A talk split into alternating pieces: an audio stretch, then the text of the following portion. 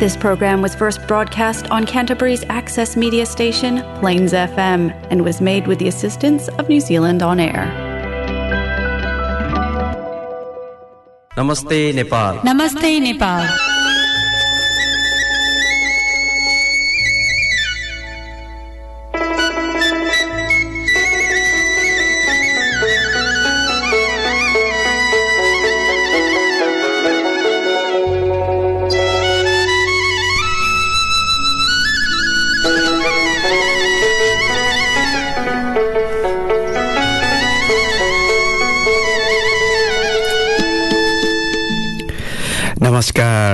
Plains FM ninety six point nine मेगाजमा Nepal New Zealand friendship society क्यान्टबरीको प्रस्तुति कार्यक्रम नमस्ते नेपालको एक अर्को अङ्कका साथ यहाँहरूको घर आँगन रेडियो सेटमा उपस्थित भइ नै सकेको छु।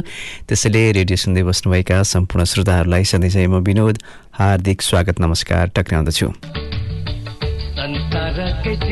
टोपी सगरमाथा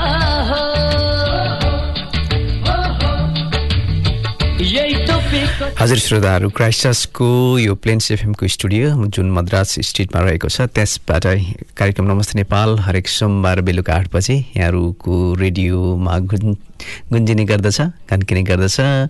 यो प्रत्यक्ष रूपबाट अनि तपाईँहरू Plains FM dot ORG dot एनजेडमा गइसकेपछि क्राइस्टसभन्दा बाहिर न्युजिल्यान्डभर र संसारको जुनसुकै स्थानबाट पनि यही समयमा हामीसँग प्रत्यक्ष जोडिन सक्नुहुनेछ।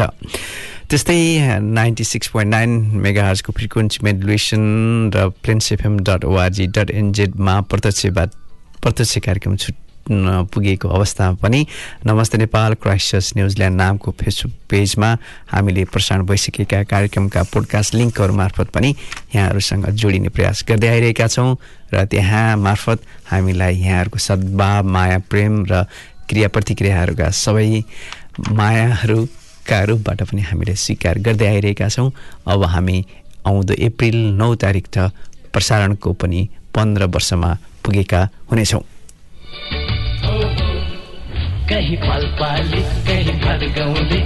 टोपी नेपाली। हजुर श्रोता सोमबारको बेलुका पछिका आफ्नै खालका व्यस्तता पछिका थकान पनि हुन सक्दछन्। थकान पछिको यो साँझको समयमा कार्यक्रम नमस्ते नेपालको यो यात्रामा यहाँहरूको साथ र सहयोग पनि को अपेक्षा गर्दै आजको कार्यक्रम सुरुवात गर्न लागिरहेको छु श्रोता। राजनीति पनि हाम्रा खबर र चासोभन्दा टाढा रहेनन्। फेसबुकमा बसे पनि र घरमा बस्दा अनि चिया पसल र चोक चोक गल्लीहरूमा पनि राजनीतिक खबरहरू हाम्रा टाढा रहेनन्। किनभने राजनीतिबाट नै हरेक कुराहरू सुरुवात र हरेक कुराहरूको र हरेक विषयहरूको अन्त्य हुने जस्तो पनि हाम्रो दिनचर्या भइ नै सकेको छ। श्रोता अहिले पछिल्लो पटक सरकारले आगामी केही दिनमै एमसिसी सम्झौता संसद मार्फत अनुमोदन प्रक्रिया अघि बढाउने तयारी गरेको पनि समक्ष पुगि नै सकेको छ। तर राजनीतिक वृत्तमा एमसिसी पास हुने एकीकृत नेकपा समाजवादीका सांसद र सभामुख विरुद्धको रिटमा अप्ठ्यारो नपर्ने र गठबन्धन पनि जोगिने उपाय खोजिँदाखेरि अहिले सत्ता गठबन्धनको तर्फबाट प्रधान न्यायाधीश चोलेन्द्र शमशेर जबरालका विरुद्धमा महाअभियोग लगाउने प्रयास प्रस्ताव चाहिँ दर्ता गरिएको छ। श्रोता यसरी स्थानीय निर्वाचनको सम्मुखमा फेरि राजनीति गिजोलिएको छ र हाम्रो हामी कतातर्फ यात्रा गर्न खोजिरहेका छौँ र यात्राको हाम्रा अप्ठ्याराहरू के छन् हाम्रा वास्तविक अप्ठ्यारा र चुनौतीहरू के छन् त्यतातर्फको हाम्रो ध्यान छ छैन। अब यहाँ आफैले बुझ्नु पर्ने हुन्छ। तर यस्तै अवस्थामा सिंहदरबार नजिकैको बानेश्वरको संसद भवन भवनमा महाअभियोग र त्यसको आसपासमा त्यसैको राप चलिरहेको बेलामा उत्तरी गोर्खाको धारचे गाउँपालिका केन्द्र माछी खोलामा पहिलो पटक आइतबार यात्रुवाहक बस पुगेको खुसियाली पनि आइ नै सकेको छ। यसरी यो खुसियालीमा गाउँलेहरूले हर्षोल्लास मनाएका छन् र स्थानीय सँगसँगै एक सय चार वर्षीय स्थानीय पूर्णी गुरुङले चालक र सहचालकलाई खादा ओढाएर स्वागत गरेको अवस्थाले पनि हामी हाम्रो वास्तविक धरातलको विभिन्नता र भिन्नतालाई पनि प्रष्ट देखाउँछ। राजनीतिले व्यावहारिक रूपबाट देशको विकास र अन्य कुराहरूलाई निर्दिष्ट गर्न नसकेको पनि हामीले महसुस गरि नै रहेका छौँ। हुन त हाम्रो समाज विभिन्न आधार सँगसँगै राजनीतिक विचारधाराले पनि विभाजित भइरहँदाखेरि लामो समयसँग नेतृत्वमा रहिरहेका व्यक्तिहरू नेताहरू सधैँ नै आजीवन झन्डै आजीवन नै शक्ति र सत्ताको आडमा नै बसिरहने परम्पराले पनि निकास पाउन सकिरहेको छैन र व्यतिथिको गन्जागोलमा हामी यसरी नै आउँदो जाँदा नै परिरहेका छौँ। कहिले तपाईँको पालो कहिले मेरो पालो भने जस्तै। श्रोता अब यो राजनीतिको कुराहरूलाई एकातिर किनारातिर लगाउँदै अब अलिकति उत्साहजनक स र सकारात्मक खबरहरू मार्फत पनि खबरहरू पनि यहाँहरूलाई सञ्चार गर्ने उद्देश्य कार्यक्रम नमस्ते नेपाल मार्फत गर्दै आइरहेको छु। यसै क्रममा अब अन्तर्राष्ट्रिय अवार्ड भित्र हुने महिला वैज्ञानिकहरूको छोटो प्रसङ्ग यहाँ यहाँहरूसँग सेयर गर्न चाहन्छु। देशले नजिले पनि विदेशले पत्याएका पाँच वैज्ञानिक महिला झन्डै तिन करोडको अन्तर्राष्ट्रिय अवार्ड भित्राएर स्वदेशमै अनुसन्धान गरिरहेका छन्। संसारमा उम्दा युवा महिला वैज्ञानिकले पाउने पचास हजार अमेरिकी डलर झन्डै साठी लाख रुपियाँको ओडब्लुएसडी फेलोसिपबाट पाँचजना नेपाली महिला वैज्ञानिक पुरस्कृत भएका छन्। यो अन्तर्राष्ट्रिय अवार्ड भित्राउने नेपाली युवा वैज्ञानिक हुन् हेमु काफ्ले शोभा पौडेल प्रतिभा पाण्डे टिस्टा प्रसाई जोशी र ज्योति भण्डारी। उनीहरूले सन् अठारदेखि बिससम्म सम्म लगातार यो अवार्डहरू भित्राएका हुन्। नेपाली नेपालको परम्परागत जडीबुटी जसलाई आयुर्वेदको विषयमा पनि भनिन्छ खडेरी अनुमान गर्ने आविष्कार जलवायु मैत्री खेती प्रणाली खानेपानी शुद्धिकरण विद्यार्थी तथा अनुसन्धानदातालाई सहयोग पुर्याउने नानो पार्टिकल विश्लेषण प्रविधिका क्षेत्रमा उनीहरूको अध्ययनलाई उक्त अवार्डले प्रोत्साहन गरेको हो र यसरी हामीसँग गर्व गर्ने कुराहरू पनि रहि रहेका छन्। श्रोता यसरी आजको कार्यक्रम सुरुवात गरिसकेको छु। अनि अब यहाँहरूलाई पनि थाहा भइ नै सकेको छ। अनि उना चौरानब्बेौँ ओस्कार अवार्डको नोमिनेसन पनि आइ नै सकेको छ न्युजिल्यान्डकी जेन क्याम्पियन।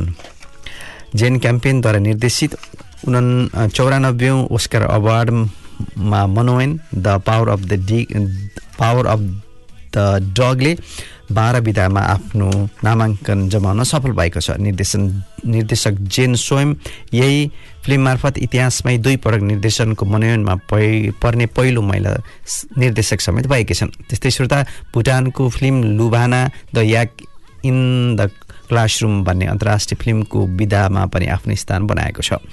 चौरानब्बेौँ ओस्कार अवार्ड आउँदो मार्च सत्ताइस तारिकमा हुन लागेको छ।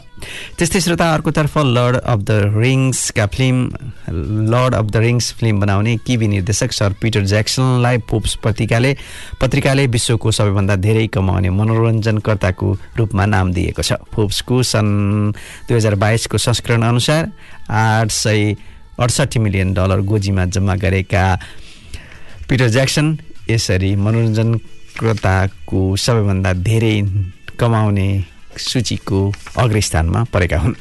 श्रोता यस सँगसँगै अब यहाँहरूलाई अब एउटा साङ्गीतिक क्रम जोड्ने बेला पनि भइ नै सकेको छ। अहिले हालसालै बजारमा आएको एउटा रमाइलो गीत नोगेन शीर्षकको यो गीतमा आवाज रहेको छ। प्रमोद खरेल र रुक्सना लिम्बुको र सङ्गीत र शब्द महेश खड्काको रहेको छ। यो गीत अब यहाँहरूको लागि प्रस्तुत गर्दैछु।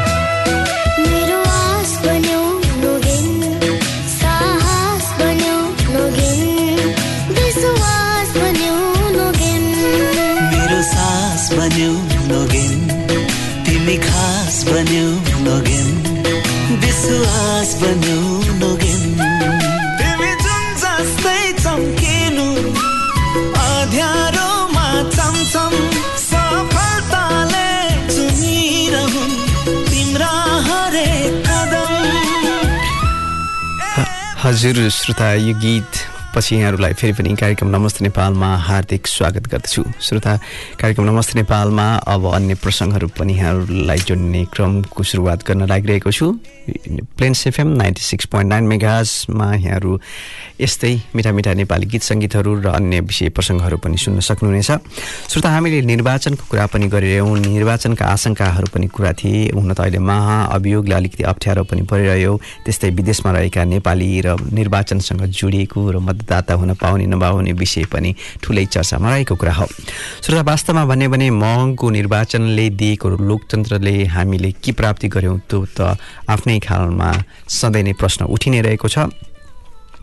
हुन त श्रोता अहिले सात सय त्रिपन्न स्थानीय तहका छ हजार सात सय त्रिचालिस वडामा अब वैशाख तिस गते निर्वाचन हुन लागिरहेको छ। प्रमुख राजनीति दलका महाधिवेशनको राजनीतिक सरगर्मी सरगर्मी सेलाउन नपाउँदै स्थानीय तहको निर्वाचनको घोषणाले फेरि राजनीतिक वातावरण वातावरणलाई तताइरहेको बेलामा यो महाअभियोगको कुरा आएको छ। श्रोता यसभन्दा अगाडि भएको निर्वाचन चौहत्तर सालमा भएको निर्वाचनको खर्च पनि को खर्च हेर्दा पनि सरकारले निर्वाचन आयोगलाई त्यति बेला दस अर्ब तिस करोड दिएको थियो भने सुरक्षा व्यवस्थाका लागि छुट्टै सात अर्ब पचास करोड छुट्याइएको रहेछ। तर अहिलेको चुनावमा करोडमा सम्पन्न हुने अवस्था छैन। एक खर्बको हाराहारीमा खर्च हुने अर्थतन्त्रका जानकारहरू बताउँदै आएका छन्। श्रोता यसरी अब यो बाहेक पनि अब सत्र अर्बको प्रस्ताव गरेको छ। अहिले सत्ताइस अर्बको प्रस्ताव गरिएको छ अहिले सुरक्षा निकायबाट। त्यस्तै निर्वाचन आयोगबाट माग गरेको बाह्र अर्ब गर्दा झन्डै उन्चालिस अर्ब भएको देखिन्छ। त्यसबाहेक राजनीतिक दल र तिनका साढे छ हजारभन्दा बढी पदका प्रतिस्पर्धी उम्मेदवारहरूले गर्ने खर्चको अनौपचारिक हिसाब गर्दा पनि पचास अर्ब बढी हुन सक्ने आकलन गरिएको। यस्तो महँगो निर्वाचन लोकतन्त्रले धान्न नसक्ने टिप्पणी पनि हुँदै गर्दा अब सरकार निर्वाचन आयोग राजनीतिक दल लगायतका सरोकारवाला सरोकारवाला पक्षले निर्वाचन खर्च घटाउनेतिर र त्यसको मितव्ययितातर्फ सोच्न भने ढिला गर्नु हुँदैन। यो चुनाव सकिए लगतै चुनाव खर्च घटाउने उपायको खोजी र कार्यान्वयन होला त यो आफ्नै कुरा छ।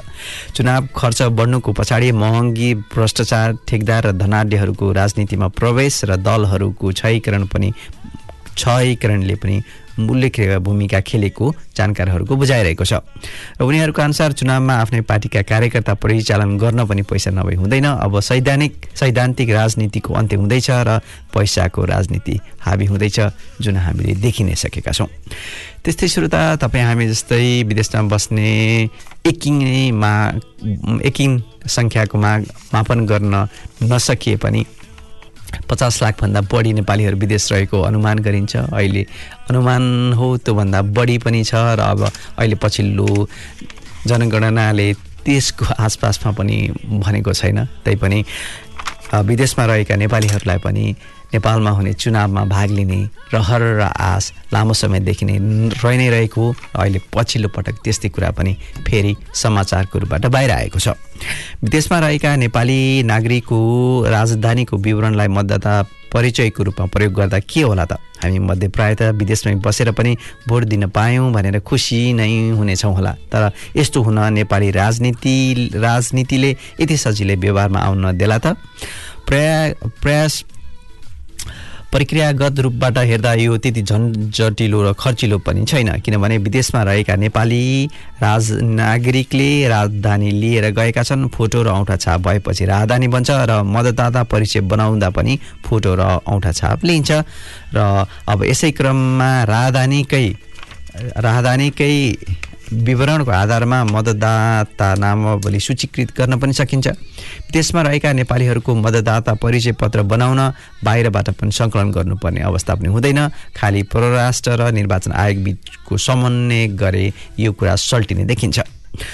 त्यसबाट मतदाता परिचय पत्र लिनेहरू हरू वा भनौँ लिने नेपालीहरूको सङ्ख्याको आधारमा पनि नेपाली बाहिर रहेका ने बाहिर देशभन्दा बाहिर रहेका नेपालीहरूको आधिकारिक सूचना र सङ्ख्या पनि सङ्कलन गर्न सकिनेछ। र यस्तै आवाज अहिले पछिल्लो पटक उठाएका छन्। निर्वाचन आयोगका पूर्व प्रमुख नीलकण्ठ उप्रेतीले उनले भन्छन् प्रविधिको प्रयोगबाट मताधिकार गर्न सम्भव रहेकाले जुनसुकै देशमा भए पनि नेपालीको पहिचान छ भन्ने मताधिकार दिइनुपर्दछ र भनेर उनले आफ्नो तर्कलाई अगाडि सारेका छन्। हुन त श्रोता सर्वोच्च अदालतले नै विक्रमसम्म दुई हजार चौहत्तर सालमा नै विदेशमा रहेका नेपालीलाई मताधिकार दिलाउन भनेर फैसला गरेको भए पनि आफ्नो पक्षमा भोट आउने सुनिश्चित सुनिश्चित नभएसम्म अहिलेका टाठाबाट हुन त के कुरामा भनेर पनि प्रश्न गर्न सकिन्छ? टाठाबाट नेताहरूले यो प्रक्रियालाई सजिलै स्वीकार जस्तो त हामीलाई लाग्दै लाग्दैन। श्रोता यसरी नै हामीले अनेक कुराहरूका अन्य विषयहरूका टिका टिप्पणी सहितका यी यस्तै हामीसँग सम्बन्धित र हाम्रा हाम्रा नजर पर्ने यस्तै खालका सामग्रीहरू पनि कार्यक्रम नमस्ते नेपालमा उठाउँदै आइरहेका छौँ। श्रोता अब यसरी नै हामी नेपालीहरूसँग जोडिएका अन्य खबरहरू हुन सक्छन्। हुन त अब क्रिकेट फुटबल लगायतका अन्य खेलहरू पनि छन्। सन्दीप लामिछाने आइपिएलमा सिलेक्ट नहुँदाखेरि पनि हामीलाई अलिकति खुसी लागेको छैन। त्यो आफ्नै कुराहरू भयो। त्यही पनि अब भारतका केही क्षेत्रीय चलचित्रहरूमा नेपाली कला कलाकारहरूको संलग्नताले पनि नेपाली चलचित्र क्षेत्र कलाकारहरूको अलिकति सीमा र आम्दानीलाई पनि बढाउने र अवसरहरू पनि मिलेको छ। हामीले त्यस्तै रूपबाट लिने गरिरहेका छौँ। अहिले पछिल्लो पटक मलयालम फिल्म थिरिमलीले अभिनेत्री स्वस्तिमा खड्कालाई दक्षिण भारतीय फिल्ममा डेब्यु डेब्यू गराएको छ। नेपालसँग जोडिएको कथा रहेको फिल्ममा अभिनेता माउसे गुरुङ र उमेश तामाङ पनि जोडिएपछि नेपाली फिल्म क्षेत्र र दर्शकमा थिरिमल्ली विशेष रूपबाट बनेको छ। अर्कोतर्फ फिल्म प्रदर्शन भए सँगसँगै थिरिमल्लीको नयाँ गीतले पनि रङ्गकर्मी अनुप नेौपाने र सागर कामीलाई पनि खुसी हुने बाना मिलेको छ। थेन थेडुल्नु बोलको नेपाली मलायन मलयालम गीतमा उनी दुई बैले सहकार्य गरेका रहेछन्। यी यी दुवै भाषाको फ्युजन गीतमा नेपाली शब्द अनुप अनुपले लेखेका हुन् भने सागरले स्वर दिएका रहेछन्। श्रोता अब यहाँहरूको लागि सोही गीत अब यहाँहरूको लागि थेडुन्नु यहाँहरूको लागि प्रस्तुत गर्दैछु। आउनुहोस् यो गीत नै अहिले सुनिहालौँ। खोज्दैछ खोज्दैछ नयन आज तिमीलाई। सोच्दैछ सोच्दैछ भयन तिम्रो मायालाई।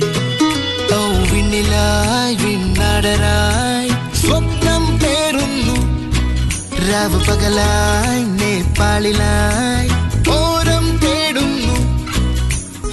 ए।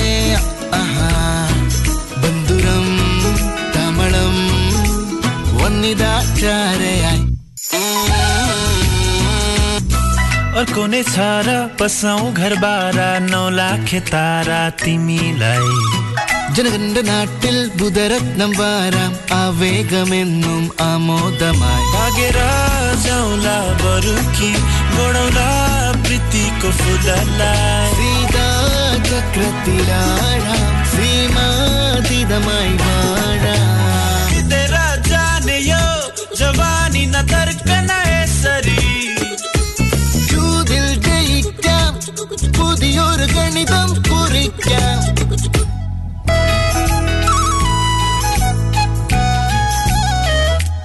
സമകാണ്ട മകളുടെ മുന്നാലെ തെളിയുന്നു ഹിമകൂടമണയത്ത് മങ്ങാത്ത ഭാഗ്യങ്ങൾ കണ്ണോരം കയ്യാലെ കണ്ടെത്തി നിന്നാലോ പകർമാ ആചര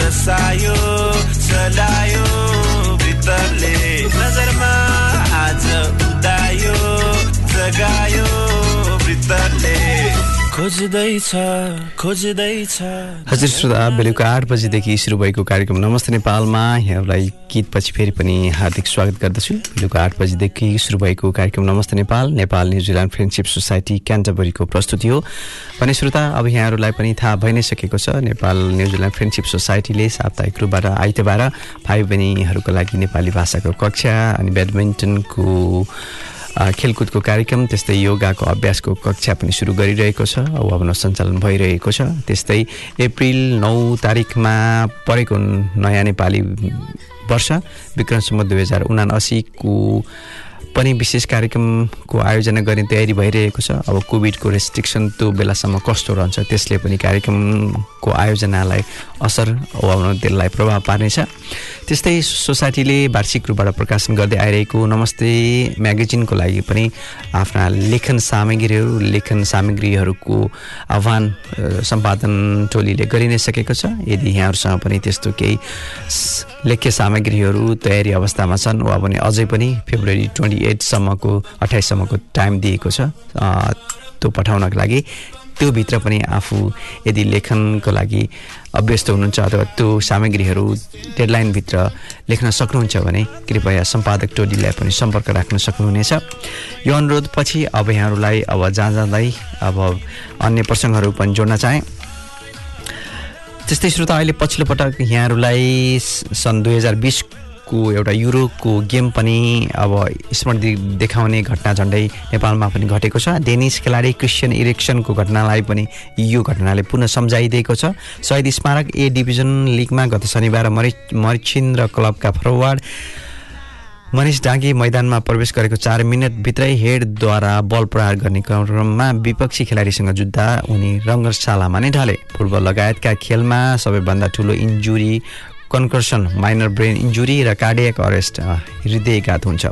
युरो इरेक्सन युरोमा इरेक्सनलाई कार्डियक अरेस्ट भएको थियो भने मनिषलाई कन् कन्कर्सन भएको रहेछ। अहिले उनी खतरामुक्त अवस्थामा छन् भने मचिन्द्र क्लब उपाधिको नजिक रहेको छ।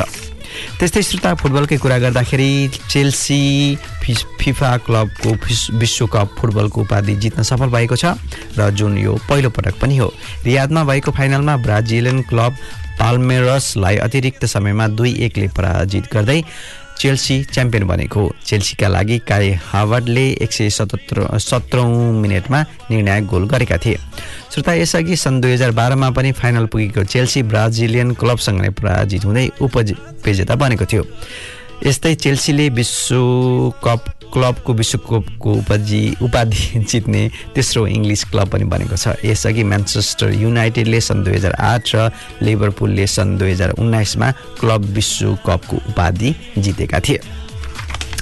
त्यस्तै श्रोता यो खेलकुदको खबरपछि हामीले नेपाली साहित्य समाज न्युजिल्यान्डको सहकार्यमा नेपाली शब्दहरूको तात्पर्य तात्पर्यसँग पनि यहाँहरूलाई रूबरू बनाउने प्रयास गर्दै आइरहेका छौँ। यसै क्रममा आजको संयोजनमा परेका छन् कृतार्थ र छेको आरो। श्रोता यसैको विषयमा जानकारी लिइहालौँ। कितार्थ भन्नाले यो विशेषणको रूपबाट पनि युज प्रयोग हुन्छ। काम सिद्ध हुनाले खुसी र सन्तोष भएको मनोरथ पूर्ण भएको अवस्थालाई पनि कितार्थ भनिन्छ। गर्नुपर्ने काम सिद्धाइसकेको र उद्देश्य पुरा गरिसकेको अवस्थालाई पनि कृतार्थको रूपबाट बुझिन्छ। र कित क्रिय भनेर पनि यसलाई अर्को हिसाबले पनि वनविन्यास गरिँदो रहेछ। त्यस्तै श्रोता छेकारो भन्नाले यो नामको रूपबाट आउँछ। वरिपरि घेरामा पारिने कामलाई छेकारो भनेर बुझिन्छ। वारिपारीसम्म नियन्त्रण गर्ने घेरो वा भनौँ लगाइएको बारलाई पनि छेकारोको रूपबाट बुझिन्छ। जसलाई सजिलो रूपबाट छेको बाधा अड्काउ थुना को रूपबाट पनि छेकारो भनिन्छ। त्यस्तै परिकरमा गर्ने कुरालाई वा जसलाई हामीले विशेषणको रूपबाट घुमाउरो र फेरोलाई पनि छेकारोको रूपबाट बुझिँदो रहेछ। श्रोता यसरी शब्द संयोजन गरिदिएकोमा नेपाली साहित्य समाज न्युजिल्यान्डलाई कार्यक्रम नमस्ते नेपालको तर्फबाट धेरै धेरै कृतज्ञता व्यक्त गर्न चाहन्छु। श्रोता अब यो सँगसँगै भने अब हामी कार्यक्रमको लगभग अन्तिम चरणमा आइ नै सकेका छौँ अब जाँदा जाँदै यहाँहरूलाई आज कार्यक्रममा एउटा जातीय भेदभाव विरुद्धको नेपाली युवाको प्रयासको एउटा छोटो प्रसङ्ग यहाँ जोड्न चाहेँ। यो अलिकति लामो प्रसङ्ग थियो त्यही पनि छोटो रूपबाट यहाँ प्रस्तुत गर्ने जमर्को गरिरहेको छु। जातको आधारमा भेदभाव र छुवाछुत र हिंसाको अना अमानवीय व्यवहार नेपाल सहित दक्षिण एसियाली देशहरूको साझा समाज समस्या हो भन्ने त यहाँलाई थाहा भइ नै सकेको कुरा हो र यस्तै समस्या जातीय विभेद अमेरिकाको क्यालिफोर्निया स्टेट युनिभर्सिटीमा पुगेर पनि विस्फोट भएको छ जोसँग जोडिएको एकजना नेपाली किशोरले उठाएको आवाजको यो प्रसङ्ग हो। अमेरिकी विश्वविद्यालयमा जात प्रथाबारे बहस हुने गरी तरङ्ग ल्याइदिएको छ यो विषयले। यसको अर्थ हो अमेरिकामा छालाको रङको आधारमा मात्र होइन जातको आधारमा समेत विभेद भइरहेको छ त्यो पनि पठित जमातमा रहेको विश्वविद्यालय हाताभित्रमै। क्यालिफोर्निया स्टेट युनिभर्सिटीको प्रणालीगत भेदभाव विरोधी नीतिमा जातलाई संरक्षित क्षेत्र श्रेणीको रूपबाट थपेको छ। अहिले पछिल्लो पटक कठिन सङ्घर्ष सङ्घर्षबाट बनाइएको जुन व्यवस्थाले दक्षिण एसियाका दलित विद्यार्थीहरूको लागि न्यु निकै महत्त्वपूर्ण अर्थ राख्ने विश्वास गरिएको छ। उक्त उक्त विश्वविद्यालयसँग अनुबन्धित तेइसवटा विश्वविद्यालयका विद्यार्थीहरूले अब जातीय उत्पीडनको उजुरी दिन सक्छन् र कुनै पनि किसिमको जातीय भेदभाव गर्ने जो कोही कारवाहीको दायरामा आउने विश्व आउँछन्। भन्ने विश्वास गरिन्छ गर्न सकिन्छ योबाट। उक्त विश्वविद्यालय र त्योसँग अनुबन्धित तेइसवटा विश्वविद्यालयमा करिब चार लाख पचासी हजारभन्दा बढी विद्यार्थीहरू अध्ययनरत रहेका छन्। श्रोता यसरी अब यो जातीय भेद विभेदको रापले नेपालदेखि अमेरिकासम्म आहत भएपछि प्रेम प्रेम परियारले अमेरिकी विश्वविद्यालयमा गरेको पहल कदमीले नीतिगत परिवर्तन गराउँदै जातीय असमानताको मुद्दालाई अन्तर्राष्ट्रियकरण गरिदिएको हो। आउँदो दिनमा यसको व्यवहारिकता कस्तो हुनेछ त्यो पनि हामीले प्रतीक्षाकै विषय हुनेछ। श्रोता यो सँगसँगै बेलुका आठ बजेदेखि कार्यक्रम नमस्ते नेपालको यो यात्रामा हामीलाई सुनेर साथ दिनुभएकोमा यहाँहरूप्रति कृतज्ञता रहँदै आउँदो दिनमा पनि यहाँहरूको साथ र सहयोगको अपेक्षा गर्दै आजको बसाइबाट म विनोदलाई आज्ञा दिनुहोस् नमस्कार शुभरात्रि।